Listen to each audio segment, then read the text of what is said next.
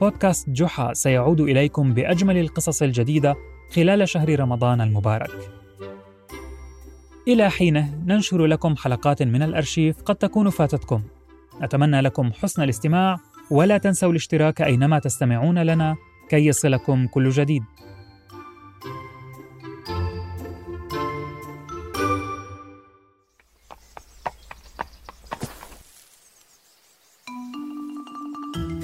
أنا سأحدثكم عن قصص جحا.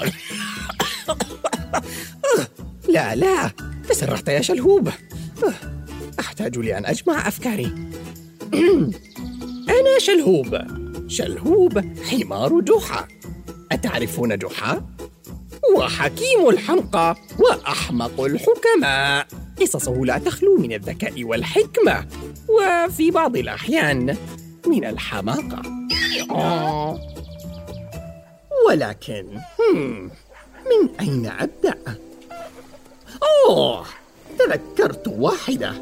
هذه قصة لقاء الأول مع جحا وأول مغامرة لنا معا. وكيف انتقمنا؟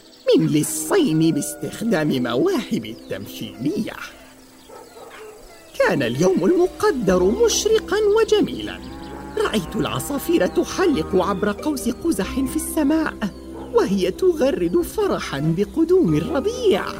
والفراشات كانت ترفرف من حولي أنا وباقي أصدقائي في الحظيرة.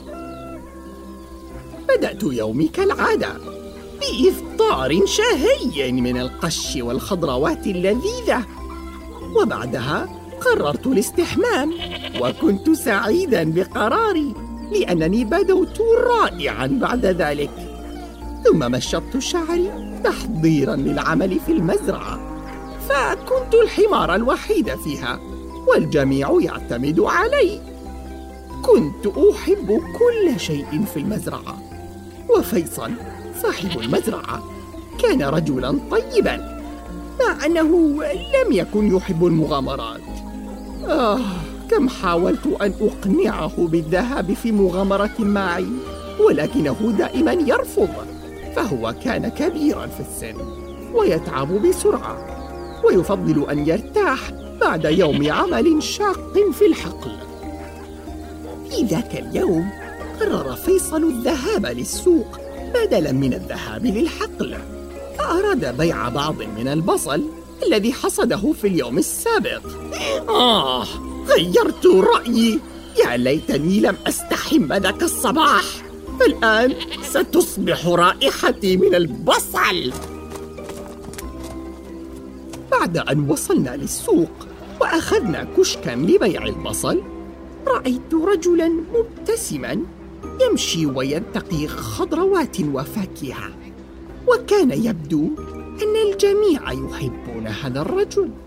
فالكل بدا له التحية. ورأيته يتكلم مع كل البائعين والمرة في السوق.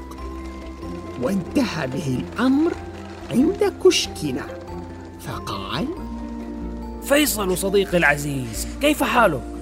من هذا الرجل الغريب الذي يعرف فيصل؟ إنها كانت أول مرة أراه فيها. أهلا أهلا يا جحا الحمد لله على سلامتك. أين كنت مختفيا طوال هذه الفترة؟ اشتقنا لك يا حكيم آه تأخرت في إحدى مغامراتي مع أمير البلاد فكان يريد الإبحار باتجاه الشرق لإحضار بعض الفيلة إبحار؟ الشرق؟ الفيلة؟ آه. كم تبدو حياته مشوقة أنت رجل محظوظ يا جحا فمغامراتك جعلتك تزور أنحاء العالم كله. دعني أعطيك بعض البصل الطازج من مزرعتي هدية لعودتك بالسلامة. شكرا يا فيصل شكرا. ولكن لا داعي لذلك. لن أستطيع حمل كل هذه الأغراض معي. وعندها ألقى فيصل نظرة طويلة علي ثم عاد للتكلم مع جحا. كما تعلم يا جحا أنا رجل كبير في السن وكنت قد قررت أن أتقاعد قريبا وأبيع المزرعة وأنتقل للعيش في المدينة وحينها لن يكون هناك مكان ينام فيه حمار الوفي هذا ما رأيك أن تشتريه مني؟ ثم التفت إلي وقال ها؟ ما رأيك يا شلهوب؟ أترغب بالذهاب للعيش مع صديقك الجديد جحا؟ تحمست للفكرة فعلى قدر حبي لفيصل وأصدقائي في المزرعة أردت أن أخوض مغامرات وأبحر وأزور الشرق وأرى الفيلة فقال جحا لفيصل. إنها فكرة جيدة يا صديقي اتفقنا إذا ولكن عندي شرط واحد وهو أن تزورني وتحضر شلهوب معك بين الحين والآخر فإنني أحبه وسأشتاق له. لم أعلم أنك عاطفي لهذه الدرجة يا فيصل أم أن هذه الدموع بسبب البصل؟ الله عليك. ضحك فيصل وجحا. وتحمست أنا كثيرا. آه الحمد لله أنني استحممت الصبح ومشطت شعري. فلو شم رائحتي هذا الصباح كان سيهرب في اللحظة التي رآني فيها. آه. وداعا يا شلهوب. فودعنا فيصلا وأكملنا طريقنا لشراء حاجات جحا.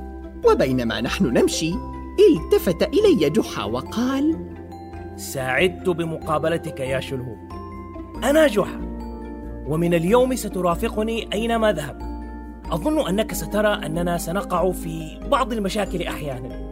ففي بعض الأوقات لا أستطيع مقاومة التحامق وأعتقد أن بعض الناس يجدونني غريب الأطوار. فحتى زوجتي كريمة دائما تقول لي أنني لا أعرف مصلحتي. ولكن لا تقلق يا شنو لأننا أصبحنا الآن فريقا. ورغم تحامقي أحيانا لن أدع أي شيء يصيبك أبدا. فأرجو أن لا تندم على مرافقتي. بالفعل. شعرت وأنا أمشي بجانبه ذاك اليوم أن جحا غريب الأطوار. ومع ذلك علمت حينها أيضا أنني لن أندم على مرافقته. فأكملنا مسيرنا في السوق وقد انتابني شعور غريب. كأن هناك أحدا يراقبنا ويتبعنا. ولا زلت أشعر بذلك أثناء انشغال جحا بانتقاء بعض الأغراض لمنزله. وأنا أنظر إلى متجر يبيع فطيرة التفاح. وحتى بعد خروجنا من السوق. وظللت أفكر بسبب هذا الإحساس الغريب على طريقنا إلى البيت. حتى وقف جحا فجأة أمام شجرة كبيرة. فقال يا له من مكان مثيل لأخذ قيلولة. ألا تظن يا شلهوب؟ لم أفهم لماذا أراد جحا النوم تحت شجرة. بدلا من الانتظار حتى وصولنا إلى المنزل. ولكن قبل أن أتمكن من قول شيء كان قد استلقى تحت ظل الشجرة وفي ثواني. كان قد نام. فوقفت أنا وانتابني الذعر لأن شعوري من السوق لم يهدأ. وفجأة جاء أحد بسرعة ووضع كمامة على فمي وأخذني بعيدا وراء شجرة كثيفة. حاولت مناداة جحا لكنني لم أستطع بسبب الكمامة. أخذ الرجل الذي كان لديه شعر أسود ولحية طويلة السرج من على ظهري ووضعه على ظهر حمار آخر يشبهني. ثم رأيت هذا الحمار الآخر يأخذ مكاني بجانب جحا. لم, لم, لم أكن أفهم ما كان يحدث وشاهدت جحا يفيق من قيلولته ويكمل طريقه مع الحمار الآخر ولم يلاحظ شيئا هل هو أحمق نوعا ما؟ وبدا شيء غريب في ذلك الحمار فكان يمشي بطريقة عجيبة. فمشى جحا والحمار الدجال وبين كل حين وآخر بدأ ذلك الحمار يفقد شيئا من جسده. فمرة سقطت أذنه ومرة أخرى سقط ذيله. واستمر ذلك حتى لم يعد يشبهني أبدا. بل أصبح وكأنه يشبه رجلا. وهذا ما لم ندركه أنا وجحا في وقتها. إن ذلك الحمار هو مجرد لص في ملابس تنكرية. وأخذ مكاني مع جحا كجزء من خطة خبيثة وكان متفقا مع الرجل الذي خطفني أنا لم تكن هذه المغامرات التي تخيلتها فبعد مسافة انتبه جحا أن الحمار الذي يظن أنه أنا لم يعد حمارا وأصبح رجلا فقال له متفاجئا من أنت؟ أين شلهوب؟ ولماذا سرجه على ظهرك؟ يا سيدي اسمي يزن وليس شلهوب وأنت قد أنقذتني أنقذتك؟ كيف أنقذتك؟ ومن ماذا؟ كنت متأكدا أن صديقي الجديد سيعرف أن هذا الرجل مخادع ويحاول أن يحتال عليه لقد كنت ابنا مشاكسا لم أسمع كلام أمي أبدا ودائما جلبت المشاكل لها. ذات يوم سرقت كل ما هو ثمين في المنزل وبعته وأخذت المال لنفسي.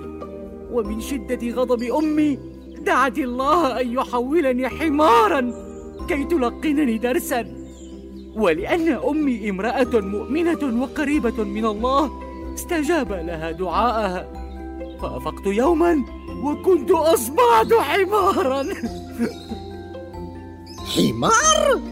هذا شرف لك. ما هذه القصة السخيفة؟ لن يصدقه أحد.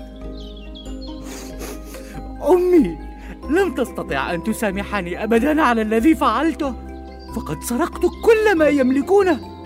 واضطر أخي غازي لأن يبيعني حتى يسترجع بعض الممتلكات التي سرقتها. في أي لحظة الآن. بالتأكيد سوف يلقنه درسا للكذب.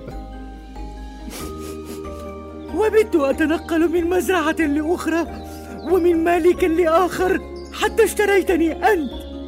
يبدو أن عملي في الحقول قد كفر عن أفعالي السابقة. وعندما صرت ملكا لرجل طيب مثلك رجعت إنسانا كما كنت. وأعطاني الله فرصة لأعتذر لأمي وأخي. أها أها ها هي سيفضحه. يا لها من قصة عجيبة. اذهب يا ابني فأنت حر طليق. اطلب من أمك وأخيك العفو عنك والأهم من ذلك أن لا تعود إلى أساليبك السيئة السابقة. ماذا؟ لا أصدق هذا. كيف انطلت عليه هذه الخدعة؟ آه. نسيت كم يرهقني الأحمق جحا بأفعاله أحيانا أحتاج الآن لإيجاد بعض التفاح لأهدئ أعصابي آه. علينا متابعة القصة في المرة القادمة انتظروني لأنكم لن تصدقوا ما الذي سيحصل بعدها